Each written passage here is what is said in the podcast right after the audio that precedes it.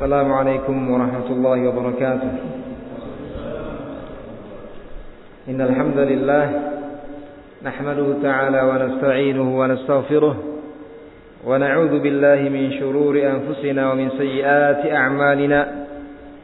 من يهده الله فلا مضل له ومن يضلل فلا هادي له. أشهد أن لا إله إلا الله وحده لا شريك له وأشهد أن محمدا عبده ورسوله.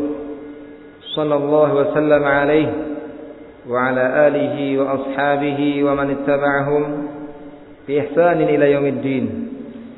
قال الله تعالى يا أيها الذين آمنوا اتقوا الله حق تقاته ولا تموتن إلا وأنتم مسلمون.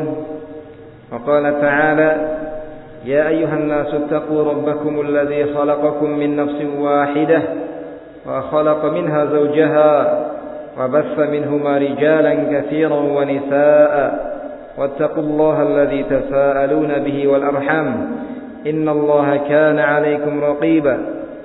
وقال تعالى يا أيها الذين آمنوا اتقوا الله وقولوا قولا سديدا. يصلح لكم أعمالكم ويغفر لكم ذنوبكم. ومن يطع الله ورسوله فقد فاز فوزا عظيما. أما بعد فإن أصدق الحديث كتاب الله تعالى وخير الهدي هدي محمد صلى الله عليه وسلم وشر الأمور محدثاتها وكل محدثة بدعة وكل بدعة ضلالة وكل ضلالة في النار. معاشر المسلمين رحمكم الله. jamaah salat maghrib yang semoga dimuliakan Allah Subhanahu wa taala. Masih kita membaca model ataupun jenis manusia yang dia tertipu. Karena sebab jeleknya pemahaman dia di dalam memahami nas-nas khususnya nas-nas yang terkait dengan husnudzan billah. Nas-nas yang terkait dengan perintah untuk berprasangka baik kepada Allah. Di mana di dalamnya Allah janjikan kebaikan-kebaikan.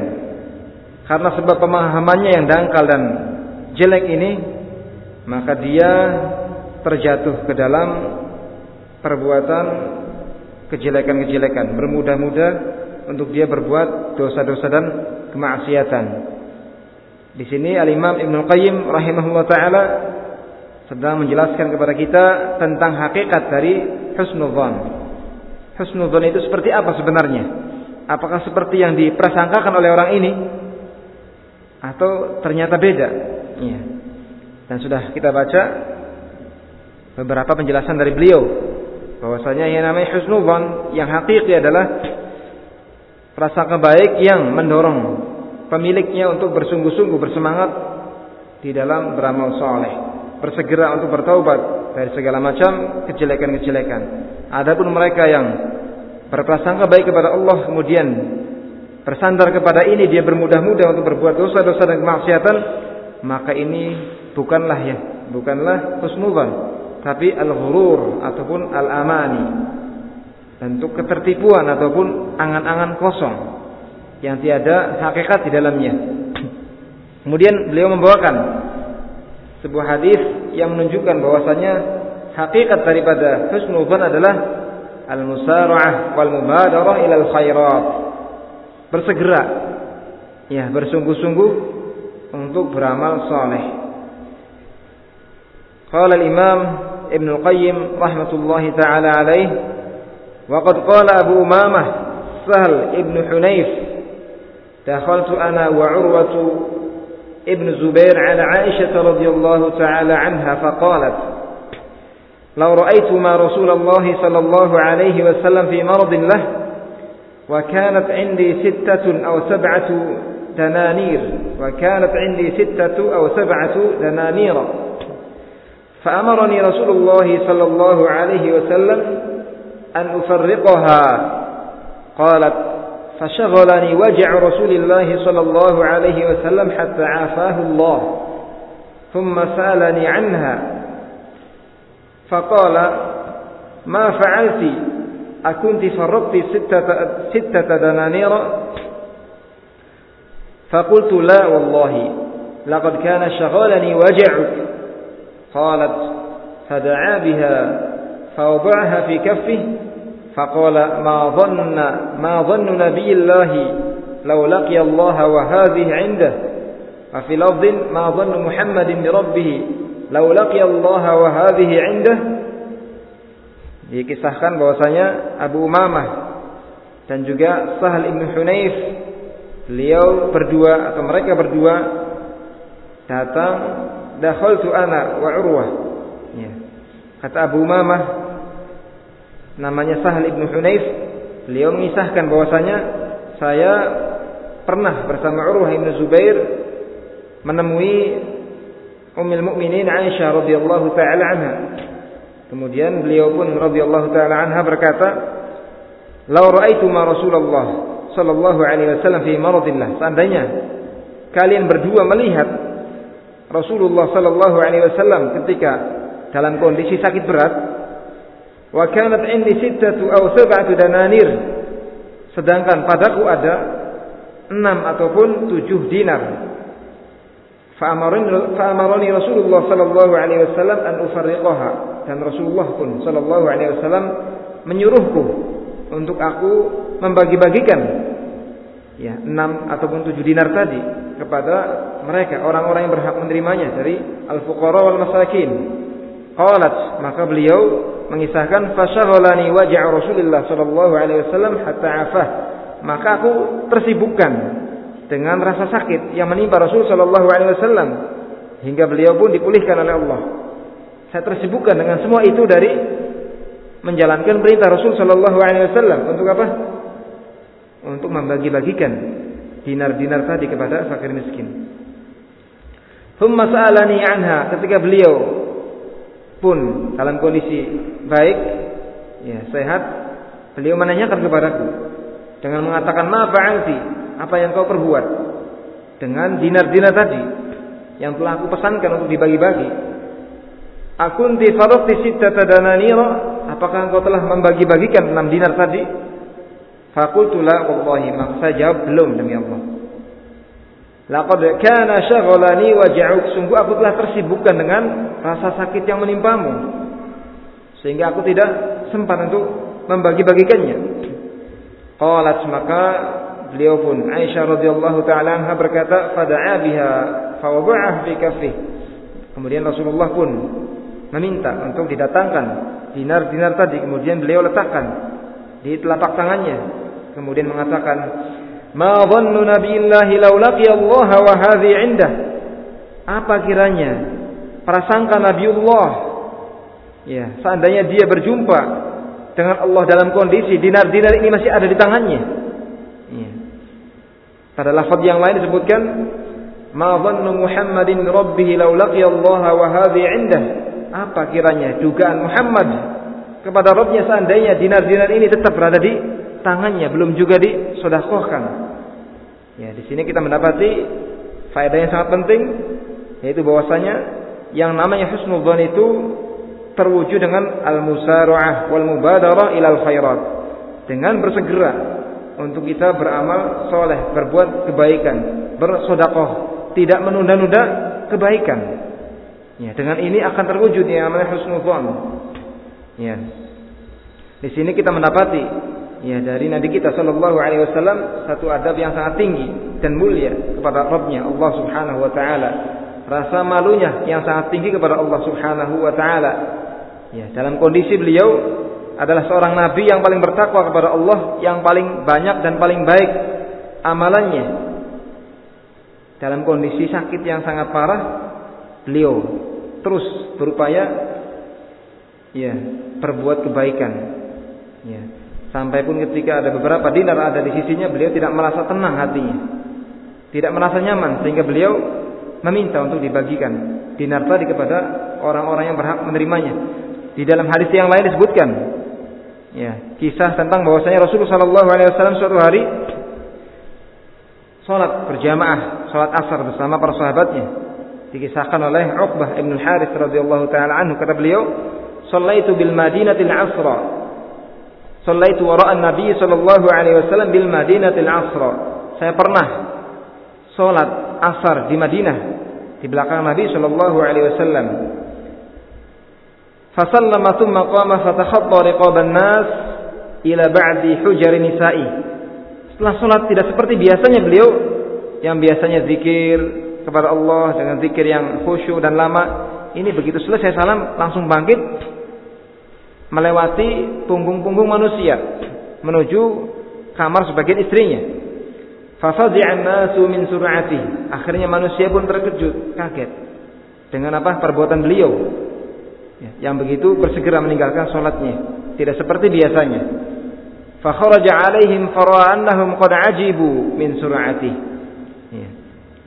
Ketika Nabi Shallallahu Alaihi Wasallam kembali ke masjid, beliau mendapati manusia dalam kondisi merasa heran dengan perbuatannya, sehingga beliau pun menjelaskan kepada para sahabatnya mengapa beliau berbuat demikian. Kata beliau, "Zakartu syai'an min tibrin 'indana, fakarihtu an yahbisani fa amartu bi qismatiha." Saya ingat ada tiber satu lempengan emas di rumah saya.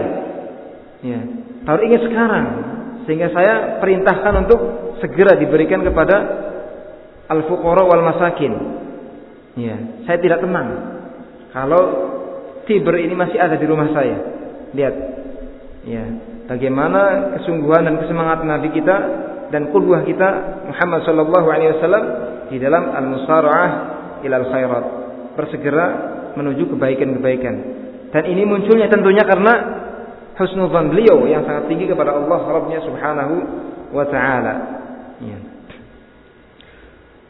Faya lallahi ma dhannu ashabil kabairi wa dhalamati billah Iza laquhu wa ma zalimul ibad indahum. Duhai, bagaimana dugaannya kepada Allah mereka-mereka para pelaku dosa besar dan kezaliman-kezaliman manakala mereka berjumpa dengan Allah ya, Wa ma zalimul ibadi indahum. Dalam kondisi Kezaliman-kezalimannya terhadap para makhluk Ada di sisinya. Bagaimana kira-kira dugaannya? Rasulullah SAW saja yang orang yang merupakan orang yang paling bertakwa kepada Allah, ya paling khusyuk kepada Allah, paling banyak amal ketaatannya karena beliau terhalang ya dari bersegera menunaikan sodakoh ini membuat beliau tidak bisa husnudzon kepada Allah sehingga beliau bersegera apalagi dengan kondisi mereka para pelaku dosa-dosa besar apakah mungkin dia bisa mewujudkan husnudzannya yang hakiki kepada Allah Subhanahu wa taala mustahil.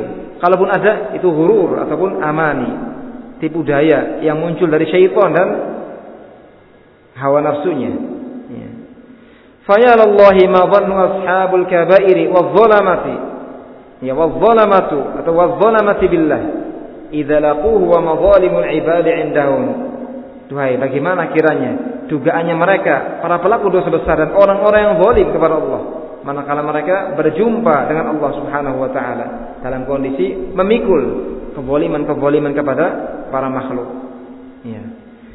Fa in kana yanfa'uhum qawluhum hasanna dhununana bik annaka la tu'adzi lan tu'adziba zaliman wala fasiqa falyasna' al-'abdu ma sha'a wal yartakib kullama nahahu Allah wal yahsin dhannahu billah fa inna an-nar la tamassu fa subhanallah ma yablughul ghururu bil 'abdi. Kata beliau, Al-Imam Ibnu Qayyim rahimahullah taala, seandainya saja bermanfaat bagi mereka para pendosa, orang-orang yang mujrim, ucapan mereka, kami telah membaguskan prasangka kami kepada Allah. Bahwasanya Allah tidak akan mengadab kami.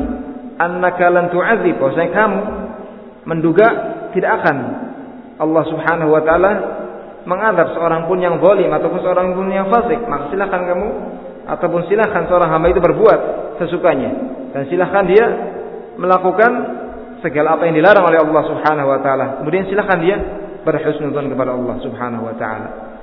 Fa innan nar la tamassu karena sesungguhnya neraka tidak akan menyentuhnya katanya. Fa subhanallah ma yablughul ghururu bil abdi maka maha suci Allah Subhanahu wa taala alangkah jauhnya sifat gurur ini membawa mereka menjerumuskan mereka ke dalam kebinasaan. Waqad qala Ibrahim liqaumih. Lihat ucapannya Nabi Ibrahim kepada kaumnya. Aifkan alihatan dunallahi turidun fama dhannukum birabbil alamin Apakah ilah-ilah yang diada-adakan selain Allah yang kalian kehendaki yang kalian tuju fama dhannukum birabbil alamin Bagaimana kiranya prasangka kalian kepada Rabb semesta alam? Iya. Di sini Nabi Ibrahim alaihissalam menjelaskan kepada kita tentang kondisi mereka, orang-orang yang berbuat syirik kepada Allah, beribadah kepada Allah juga beribadah kepada selain Allah. Yaitu bahwasanya mereka kondisinya dalam keadaan bersuudzon kepada Allah, berprasangka jelek kepada Allah. Dia menyangka bahwasanya Allah Subhanahu wa taala itu butuh perantara-perantara Iya, butuh perantara-perantara yang menjembatani antara dirinya menuju Allah. Ini tuduhan yang jelek. Ini suudzon. Dia menyerupakan, mengiaskan Allah dengan raja, dengan makhluk yang dia butuh kepada para pejabat. Ya, butuh kepada perantara-perantara. Ya, ini suudzon kepada Allah. Dia juga al-musyrik, seorang yang musyrik ini menyangka bahwasanya di alam semesta ini ada selain Allah Subhanahu wa taala yang berserikat dalam kepemilikan ataupun dalam hal kemanfaatan ataupun dalam hal kemadaratan sehingga dia meminta kepadanya. Ini juga bentuk husnudzon kepada Allah Subhanahu wa taala. Ya, dia menyangka bahwasanya di alam semesta ini ada yang bisa memberikan manfaat selain Allah dan juga madarat selain Allah Subhanahu wa taala sehingga dia meminta kepadanya, berdoa kepadanya. Ini juga suudzon kepada Allah. Sehingga tidaklah terjatuh mereka kaum musyrikin kepada kesyirikan melainkan karena sebab suudzonnya kepada Allah Subhanahu wa taala. Allah menyangka memiliki kelemahan-kelemahan sebagaimana yang ada pada makhluknya sehingga dia pun terjatuh ke dalam beragam kesyirikan-kesyirikan. Ay ma dhannukum bihi an yaf'al bikum idza laqitumuhu wa qad 'abadtum ghairah yakni maknanya kata beliau rahimahullah taala apa dugaanmu kiranya? Ya terhadap apa yang akan Allah perbuat kepadamu. Manakala kalian berjumpa dengan Allah dalam keadaan kalian menyembah selain Allah Subhanahu wa taala. Ya tentunya dugaannya akan jelek kepada Allah Subhanahu wa taala. Ya karena sebab dia berbuat syirik kepada Allah Subhanahu wa taala ومن تأمل هذا الموضع حق تأمل علم أن حسن الظن بالله هو حسن العمل نفسه Siapa saja yang memperhatikan tempat ini, pembahasan ini dengan sebaik-baik perhatian, maka niscaya dia akan mengetahui bahwasanya yang namanya husnuzan kepada Allah adalah amalan itu sendiri, amalan soleh itu sendiri. Jadi antara amalan soleh dan husnuzan itu satu sama lainnya saling melazimi. Seorangnya husnuzan akan terdorong untuk apa? Bersemangat beramal soleh dan juga sebaliknya seorang yang beramal soleh akan muncul tumbuh dalam hatinya apa? Prasangka yang baik kepada Allah Subhanahu wa taala. Sering kita dapati manusia dalam keadaan bermalas-malas, tidak sungguh-sungguh, tidak berupaya untuk beramal soleh karena suudzon yang ada dalam hatinya. Sebagai contoh yang kecil, kita contohkan adalah seorang yang dia ingin bisa menghafal Al-Quran. Ya. Seorang yang husnudzon kepada Allah, maka dia akan semangat insya Allah. Allah Subhanahu wa taala akan membantu saya, akan memudahkan saya kalau saya bersemangat dan berdoa padanya. Sehingga dia semangat terus menghafal dan menghafal. Dan yang satunya yang kurang, ya, bonnya ataupun prasangka baiknya kepada Allah, maka dia tidak akan berupaya, tidak akan bersemangat untuk menghafal Al-Qur'an. Ah, saya tidak akan hafal. Saya kondisinya kemampuannya seperti ini ataupun waktu saya ya sangat sempit ataupun ini dan itu dari beragam alasan. Dia lupa dengan Allah Subhanahu wa taala. Ya, suudzon kepada Allah Subhanahu wa taala bahwasanya Allah tidak membantu dia, tidak memudahkan dia untuk bisa menghafalnya. Itu sebagai satu contoh. Ya. Yang dia husnuzon kepada Allah bersemangat bersungguh-sungguh untuk menghafal Al-Qur'an. Yang suudzon ya sudahlah, saya sih sulit kayaknya untuk menghafal Al-Qur'an, nggak mampu. Suudzon dia kepada Allah Subhanahu wa taala. فإن العبد إنما يحمله على حسن العمل حسن ظنه بربه أن أنه يجازيه على أعماله ويثيبه عليها Sesungguhnya seorang hamba tidak lain dia Innama yahmiluhu ala husnil amali husnu dhanni dia dibawa untuk beramal kebaikan oleh dugaannya yang baik. Jadi dugaannya yang baik kepada Allah Subhanahu wa taala mendorong dia untuk beramal soleh.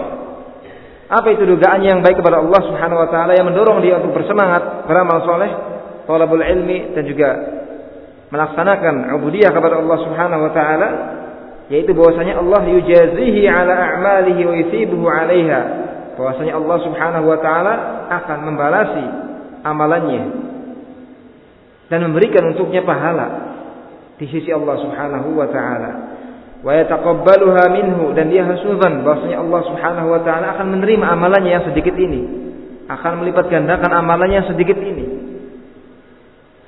Falladhi hamalahu ala husnil amali husnul dhanni. Sehingga yang membawa seseorang untuk beramal kebaikan adalah prasangkanya yang baik kepada Allah Subhanahu wa taala. Fakullama hasuna dhannuhu bi rabbih hasuna amaluh. Sehingga semakin baik dugaannya kepada Allah, maka semakin baik pula amal ibadahnya. Dan, sebaliknya, semakin jelek dugaannya kepada Allah, maka juga semakin apa? Jelek amalannya. Ya. Sehingga kita bisa mengetahui ataupun menilai orang ini adalah orang yang husnudzon kepada Allah ataupun suudzon. Dari apa? Dari amaliyahnya, dari amalannya. Kalau kita dapati orang ini malas, tidak bersungguh-sungguh untuk talabul ilmi, menghadiri majalisul ilmi, untuk beribadah, menghadiri salat jamaah, maka ini orang zonnya belum baik kepada Allah Subhanahu wa taala. Suudzon dia kepada Allah Subhanahu wa taala. Kemudian kalau kita dapati yang lain Masya Allah bersemangat talabul ilmi menghadiri majlisul ilmi ya beribadah menghadiri salat jamaah yang lima waktu maka insya Allah ini orang husnudzon kepada Allah Subhanahu wa taala. Kenapa? Karena husnudzon itulah yang membawa dia untuk bersemangat. Wa illa fa lima tiba'il hawa ajzun. Kalau tidak diiringi dengan amalan soleh, hanya dugaan saja yang diandalkan, dugaan yang baik yang dia andalkan kepada Allah, kemudian tidak diiringi dengan apa? Amalan soleh, Wa illa fa husnul dhanni ma'a tiba'il hawa ajzun. Kalau tidak demikian, maka dugaan yang baik yang diiringi dengan ittiba'ul hawa, mengikuti hawa nafsu, ini adalah bentuk ajzun, kelemahan. Bentuk kelemahan. Kama fi hadis Tirmizi wal Musnad. Sebagaimana tersebut dalam hadis At-Tirmizi dan juga hadis yang tersebut dalam Al-Musnad. Min hadis Shaddad bin Aus 'an Nabi sallallahu alaihi wasallam qala dari hadis Shaddad bin Aus dari Nabi sallallahu alaihi wasallam bahwasanya beliau bersabda al-kayyis man dana nafsahu wa 'amila lima ba'da al-maut wal 'ajizu man atba'a nafsahu hawaha wa tamanna 'ala Allahil amani al-kayyis itu orang yang cerdas adalah orang yang selalu mengintrospeksi dirinya. Ya selalu dia mengintrospeksi keadaan dirinya amalannya. Sudahkah sempurna amalannya? Sudahkah baik amalannya kalau ada yang kurang dia berupaya untuk memperbaikinya, untuk melengkapinya. Ini orang yang kayis. Wa amila lima ba'dal maut dan dia beramal untuk setelah kematiannya. Dia mengetahui bahwasanya di sana ada hari akhir. Ya, dan di hari akhir itu ada marahil, marhala-marhala yang sangat panjang, butuh di situ bekal yang banyak. Sehingga dia manfaatkan waktu dan kesempatan di dunia ini untuk memperbanyak bekal-bekal dengan amalun soleh. Itu orang yang cerdas, yang pandangannya tajam, yang pandangannya ke depan. Bukanlah orang yang cerdas itu adalah orang yang cita-citanya, pandangannya berputar kepada dunia dan dunia. Ini orang yang seperti ini bukan orang yang cerdas, tapi orang yang dangkal akalnya, pikirannya. Kenapa? Karena dia memikirkan sesuatu yang sifatnya sementara, yang kenikmatannya tidak seberapa. Jadi yang cerdas adalah mereka, orang-orang yang selalu muhasabah, mengintrospeksi dirinya dan bersemangat di dalam beramal beramal saleh. Wal ajizu man atba'a nafsahu hawaha, sedangkan orang yang lemah adalah orang yang selalu mengikuti tuntutan hawa nafsunya. Apa saja yang diingini oleh hawa nafsunya maka dia jalani. Terus dia tenggelam dalam dosa-dosa dan kemaksiatan. Kenapa? Karena jiwa itu sifatnya adalah ammaratun bisu, selalu memerintahkan dan mengajak kepada kejelekan-kejelekan. Wa tamanna 'ala Allahil amani dalam kondisi seperti ini dia selalu mengikuti hawa nafsunya tapi dia berangan-angan kepada Allah dengan angan-angan yang banyak, angan-angan yang baik. Semoga nanti kalau saya meninggal dosa-dosa saya diampuni. Semoga nanti saya dimasukkan oleh Allah ke dalam surganya. Padahal dia ahlul ma'asi, ahlul dzunub wal kabair. Ya, nasallallahu taala assalamu wa afiyah. Wa bil jumlah fa husnul dhanni innama yakunu ma'a i'tiqadi asbabin najati wa amma ma'a i'tiqadi asbabil halaki fala yata'atta ihsanul dhann. Kesimpulannya bahwasanya husnudzan itu tidak lain terwujud dengan menjalani sebab-sebab keselamatan. Yang ini dijelaskan, dijabarkan dan dijabarkan oleh Nabi kita Muhammad sallallahu alaihi wasallam. Wa amma ma'tiqadi asbabil halaki adapun husnudzan disertai dengan menjalani sebab-sebab kebinasaan yaitu dosa-dosa dan maksiatan fala yata'atta ihsanudzan maka tidak mungkin terwujud yang namanya ihsanudzan Kalaupun ada itu al-ghurur ataupun amani, angan-angan yang kosong. Ya na'udzubillah.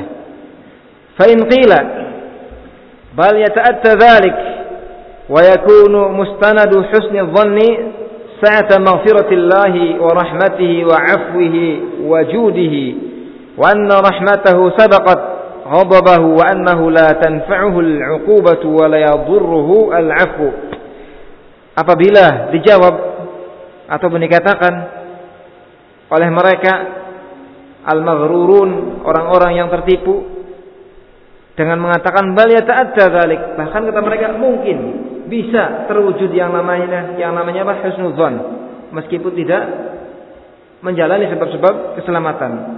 Ya meskipun dengan apa? Banyak berbuat dosa-dosa dan kemaksiatan mungkin kata mereka bisa terwujud masih. Yang namanya yang namanya ihsanudzon billah wa yakunu mustanadu husni dhann sa'ata maghfiratillah. Yaitu dengan menjadikan pijakan husnudzan itu kepada ampunan Allah rahmat Allah pemaafan Allah dan juga kedermawanan Allah Subhanahu wa taala. Bisa kok. Meskipun saya ahlul ma'asi ahlul kabair saya tetap kok bisa mewujudkan dalam hati ini husnudzan kepada Allah. Dengan apa? Dengan saya bersandar dan bergantung kepada sifat maghfirah dari Allah sifat rahmat Allah, sifat pemaafan dari Allah dan kedermawanan Allah Subhanahu wa taala. Iya. Wa anna rahmatahu sabaqat ghadabah dan bahwasanya rahmat Allah itu mendahului dan mengalahkan kemurkaannya. Ini kita sebutkan dalam nas hadis-hadis yang sahih bahwasanya rahmat Allah itu mengalahkan kemurkaannya. Lebih besar rahmat Allah. Wa annahu la tanfa'uhu al-'uqubatu dan bahwasanya yang namanya hukuman itu tidaklah sedikit pun menambah kemanfaatan, menambah kemanfaatan untuk Allah ataupun kerajaannya. Sama saja kok. Apakah Allah hukum saya ataupun tidak? Allah tetap kaya. Iya, tidaklah menambah sedikit pun kepada Allah kemanfaatan dengan Allah menghukum saya. Wala yadurruhul afu. Dan kalau Allah Subhanahu wa taala memaafkan dosa-dosa saya, itu pun tidak sedikit pun merugikan, mengurangi kekayaan Allah, kerajaan Allah. Lihat. Ya, syubhat. Ya, dari mereka ahlul ma'asi. Qila al-amru hakadha. Maka dijawab oleh beliau rahimahullah taala, al-amru hakadha. Memang demikian urusannya. Yaitu bahwasanya Allah itu sangat luas ampunannya, sangat luas rahmatnya, pemaafannya dan kedermawanannya. Memang benar bahwasanya rahmat Allah itu mengalahkan kemurkaannya. Memang benar hukuman Allah itu tidaklah menambah sedikit pun kemanfaatan bagi Allah. Bagi Allah. Dan juga memang benar bahwasanya pemaafan Allah itu tidak sedikit pun mengurangi daripada kerajaan Allah Subhanahu wa taala. Bahkan kata beliau wallahu fawqa dzalik, bahkan Allah di atas itu semua. Di atas apa yang kamu persangkakan. Wa ajallu akramu ajwad wa arham. Lebih agung, lebih mulia, lebih dermawan dan lebih kasih sayang kepada hambanya. Walakin, nah lihat catatannya, tidak mutlak. Ya, Walakin innama yad'u dzalika fi mahallihi la'iq bih. Hanya saja Allah Subhanahu wa taala meletakkan itu semua rahmatnya, kedermawanannya, ampunannya fi mahallil laiq pada tempatnya yang cocok, pada tempatnya yang pas.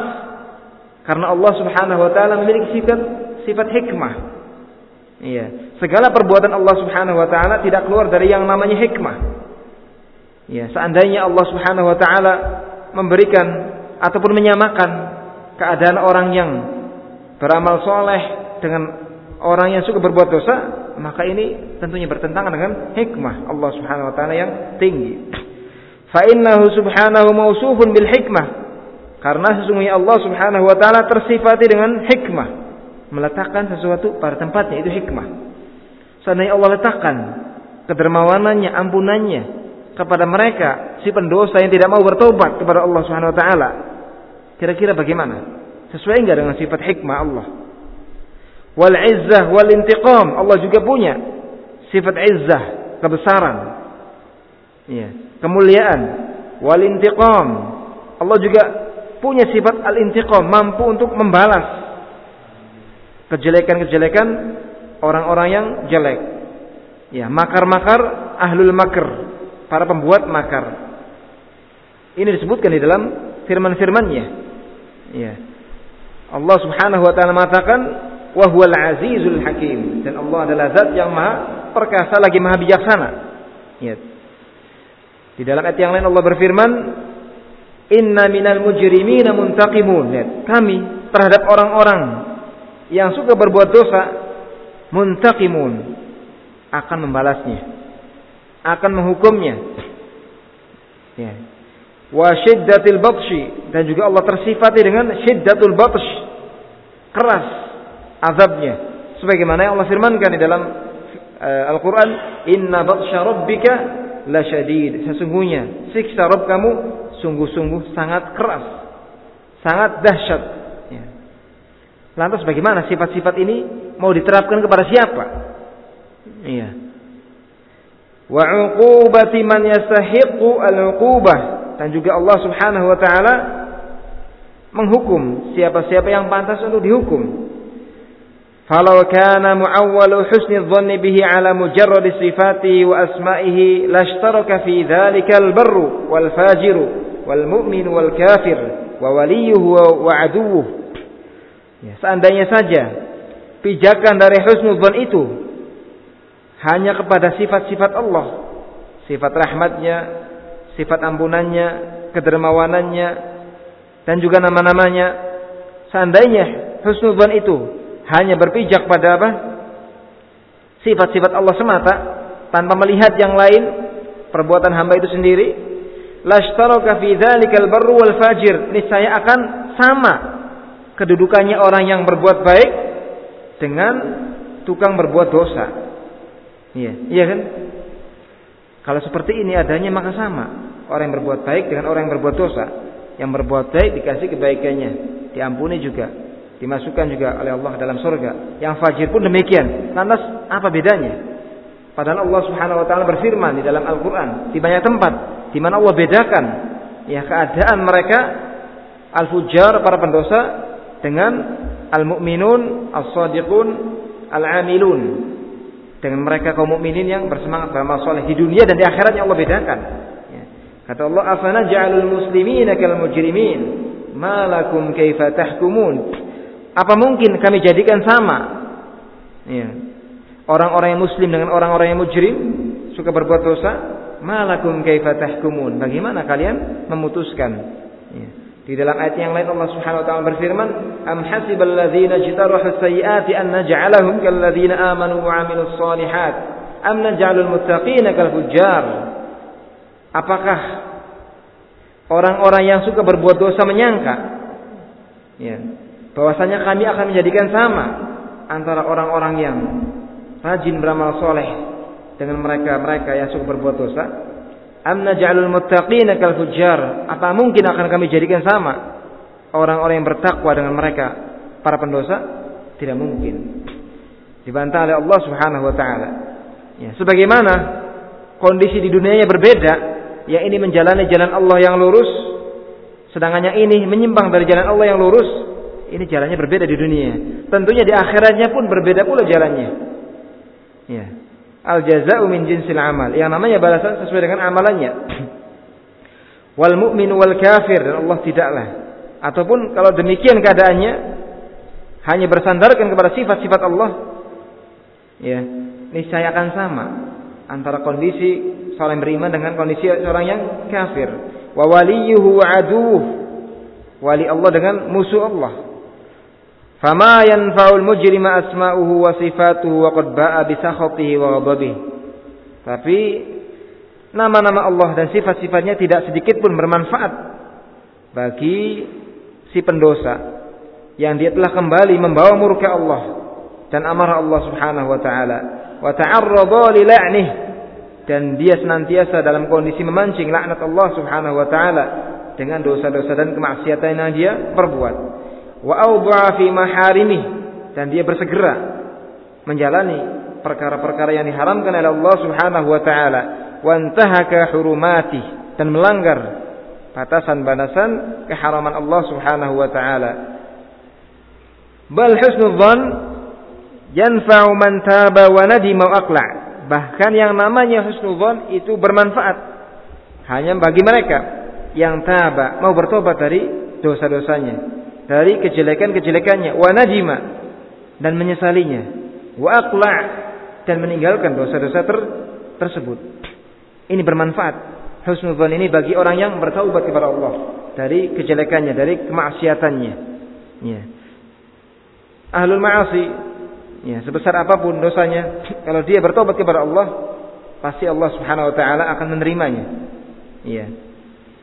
Dan kalau dia bertobat kepada Allah Subhanahu wa taala, maka di antara hikmahnya ataupun faedah yang dia dapati adalah akan terhapuskan ya dosa-dosa yang selama ini dia perbuat. Dan setelah itu akan muncul dalam hatinya husnudzon kepada Allah, ya. Semangat untuk beramal soleh, untuk membuka lembaran yang baru. Iya. Mengisi ya lembaran baru dengan amalun soleh Wabaddala sayyi'ata bil hasanah. Kemudian dia mengganti kejelekan-kejelekannya dengan kebaikan-kebaikannya. Ini akan muncul pada orang yang seperti ini keadaannya. Wastaqbala baqiyata umrihi bil khairi wa ta'ah dan dia mengisi sisa-sisa umurnya dengan kebaikan dan ketaatan. Bermanfaat sekali husnul pada haknya orang ini yang bertobat kepada Allah. Mengganti kejelekan dengan kebaikan. Mengisi sisa-sisa waktunya meskipun mungkin umurnya sudah sangat tuanya, nggak mengapa. Baru memasuki ataupun setelah dia memasuki umur 70 tahun baru sadar, baru tahu kepada Allah, tetap bermanfaat. Iya. Bahkan meskipun mungkin iya di hari-hari kematiannya ada kesempatan untuk dia bertobat, bertobatlah. Sangat bermanfaat sekali untuk dia. Akan memudahkan dia untuk bisa berhusnudzon kepada Allah Subhanahu wa taala manakala dia berjumpa dengan Allah Subhanahu wa taala. Ya. Banyak kita dapati orang-orang yang selama hidupnya diisi, dipenuhi dengan dosa-dosa dan kemaksiatan. Ya, tapi di akhir hidupnya Allah beri taufik untuk dia bertaubat kepada Allah sehingga dia menutup umurnya dengan kebaikan-kebaikan. Ya. Dengan amalun saleh. Ya. Al-a'malu bil khawatim. Kata Rasul sallallahu alaihi wasallam yang namanya amalan tergantung penutupannya. Kalau penutupannya baik, maka insya Allah kebaikan yang akan dia dapatkan. Kalau penutupnya akhirnya jelek, maka kejelekan yang dia akan dapatkan. Thumma hasana dhan ba'daha. Setelah itu dia berhusnudzan kepada Allah. Setelah bertaubat kepada Allah. yang mengganti kejelekan dengan kebaikan. Maka silahkan dia berhusnudzan kepada Allah subhanahu wa ta'ala. Fahadha huwa husnudzan. Maka inilah husnudzan yang hakiki, yang benar, yang bermanfaat bagi pemiliknya. Wal awwalu ghurur. Adapun yang pertama yang dia ya sekedar berhusnudzan kepada Allah Subhanahu wa taala kemudian dalam kondisi dia tidak menjalani sebab-sebab yang mendatangkan ridha Allah Subhanahu wa taala maka ini adalah bentuk al-ghurur, ketertipuan yang datang dari syaitan dan hawa nafsunya. Kata Allah Subhanahu wa taala, "Ya ayuhan nasu rabbakum." Ya ayuhan nasu inna wa'dallahi haqq, fala taghurrannakumul hayatud dunya wa la yaghurrannakum billahi al-gharur. Wahai manusia, sesungguhnya janji Allah Subhanahu wa taala itu hak. Ya, hak. Surga Allah hak. Ridho Allah hak bagi mereka orang-orang yang beriman. Ya. Fala taghurrannakumul hayatud dunya sehingga janganlah kamu tertipu, terpedaya oleh kehidupan dunia beserta kenikmatan yang ada di dalamnya. Dari sini kita mengetahui bahwasanya di antara yang membuat manusia tertipu dari janji Allah Subhanahu wa taala, surga Allah dan ridhonya adalah dunia beserta kenikmatannya. Lalai dia karena sebab asyik tenggelam dalam kenikmatan dunia. Lalai dari beramal soleh, lalai dari memperbanyak ketaatan kepada Allah tertipu dia, terpedaya dia dengan dunia. Wala yaghurrannakum billahil ghurur. Dan jangan pula kamu tertipu oleh tukang tipu itu syaitan. Ya, sehingga kita harus berlindung kepada Allah Subhanahu wa taala dari fitnah dunia dan juga fitnah syaitan. Yang sering kali membuat kita lalai, bahkan tertipu. Ya. Wallahul musta'an. Hanya Allah Subhanahu wa taala tempat meminta pertolongan. Ya. Kita berupaya keras untuk kita menjalani jalan-jalan yang Allah ridhoi dan setelah itu kita lengkapi dengan apa? Meminta bantuan dan pertolongan kepada Allah Subhanahu wa taala karena la haula wala quwata illa billah. Tidak ada daya upaya kecuali yang datang dari Allah Subhanahu wa taala. Wala tastatil hadzal fasla. Janganlah engkau menganggap panjang fasal pembahasan ini. Panjang enggak pembahasan ini? Panjang ya dibandingkan dengan yang sebelumnya pada model-model yang sebelumnya beliau sebutkan dalam kondisi ringkas. Adapun yang terakhir jenis orang yang tertipu dengan apa nas-nas yang berisi husnudzon ini beliau jabarkan dengan panjang. Kata beliau, la tastatil hadzal fasl. Jangan kau anggap panjang fasal ini. Kenapa? Fa innal hajata ilaihi syadidatun likulli ahad. Karena kebutuhan ya, untuk mengetahui masalah ini syadidah sangat mendesak bagi setiap orang. Fafarqun baina husnudzan billah wa bainal ghururi bih. Maka sangat beda antara husnudzan kepada Allah dengan al-ghururi bih, dengan bentuk ketertipuan. Iya.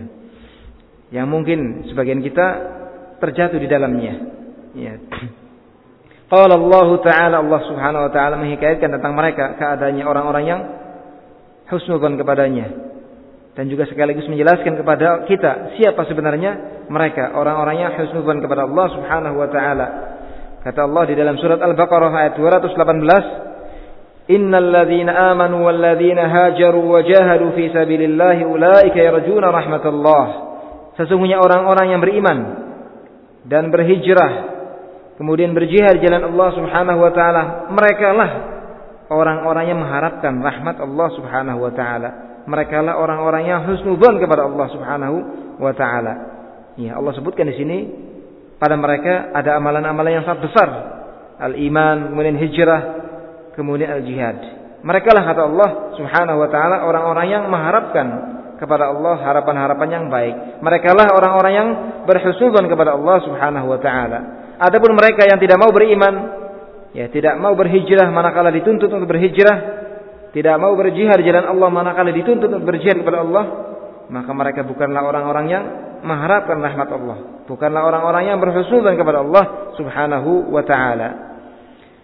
Faja'ala haula'i ahlur ahlur raja'i lal battalina wal fasiqin. Maka Allah menjadikan mereka-mereka sebagai orang-orang yang memiliki harapan, bukan orang-orang yang tidak mau berbuat, orang-orang yang suka nganggur, tidak mau bekerja, tidak mau beramal soleh, bukan pula orang-orang yang fasik suka berbuat dosa-dosa dan kemaksiatan. Waqad qala ta'ala dan Allah Subhanahu wa taala juga berfirman, "Tsumma inna rabbaka lilladzina hajaru min ba'di ma futinu tsumma jahadu wa sabaru, inna rabbaka min ba'daha laghafurur rahim." Kata Allah Subhanahu wa taala, kemudian Rabbmu ya, bagi orang-orang yang mau berhijrah setelah itu, setelah mereka mendapatkan ujian-ujian, cobaan-cobaan Kemudian mereka berjihad di jalan Allah dan bersabar di dalamnya. Sesungguhnya Rabb kamu setelah itu Maha Pengampun dan lagi Maha merahmati bagi mereka semua. Lihat Allah Subhanahu wa taala meletakkan maghfirahnya, ampunannya, rahmatnya bagi mereka-mereka yang berhak menerimanya. Siapa itu? Orang-orang yang mau beramal soleh, mau beriman kepada Allah, mau berhijrah di jalan Allah, mau berjihad di jalan Allah Subhanahu wa taala. Coba kita lihat, kita buka ya dari awal sampai akhirnya kitabullah subhanahu wa taala apakah kita mendapati maghfirah Allah, rahmat Allah. Iya. Diletakkan bagi mereka orang-orang yang zalim? Tidak kan? Yang ada hanya apa? Celaan, cercaan, ancaman, siksaan bagi mereka para pendosa, ahli ma'asi. Iya. Karena Allah Subhanahu wa taala adalah zat yang maha hikmah, meletakkan sesuatu pada tempatnya. Fa subhanahu annahu ba'da hadhil asya' ghafurur rahim liman fa'alaha. Lihat. Setelah Allah sebutkan ya mereka-mereka orang-orang yang semangat beramal saleh, ya, Allah sebutkan setelah itu sifatnya ghafurur rahim. Allah Subhanahu wa taala adalah Maha Pengampun lagi Maha Penyayang. Liman fa'alaha bagi orang-orang yang mau menjalankan perkara-perkara tadi. Hijrah, jihad dan sabar. Fal alim yab'ur raja'a mawadhi'ah. Maka seorang yang alim, seorang yang pandai adalah seorang yang dia meletakkan roja harapan pada tempatnya, yaitu pada amalan soleh. Dia meletakkan harapan pada ketaatan kepada Allah, pada amalan soleh. Wal jahilul mughtar yad'u fi ghairi mawadhi'ih. Sedangkan seorang jahil yang tertipu, dia meletakkan ya yang namanya roja harapan bukan pada tempatnya. Ya. Dia letakkan pada dosa-dosa dan kemaksiatan, pada kezaliman-kezaliman. Nasallallahu taala as-salamah wal afiyah. Ya, semoga Allah Subhanahu wa taala memberikan taufik kepada kita untuk kita bersungguh-sungguh dan bersemangat untuk kita beramal soleh sehingga terwujud pada hati-hati kita husnudzon kepada Allah Subhanahu wa taala. Mungkin ini yang bisa kita sampaikan pada kesempatan ini. Wabillahi taufik subhanakallahumma bihamdik asyhadu an la ilaha illa anta astaghfiruka wa atubu ilaik.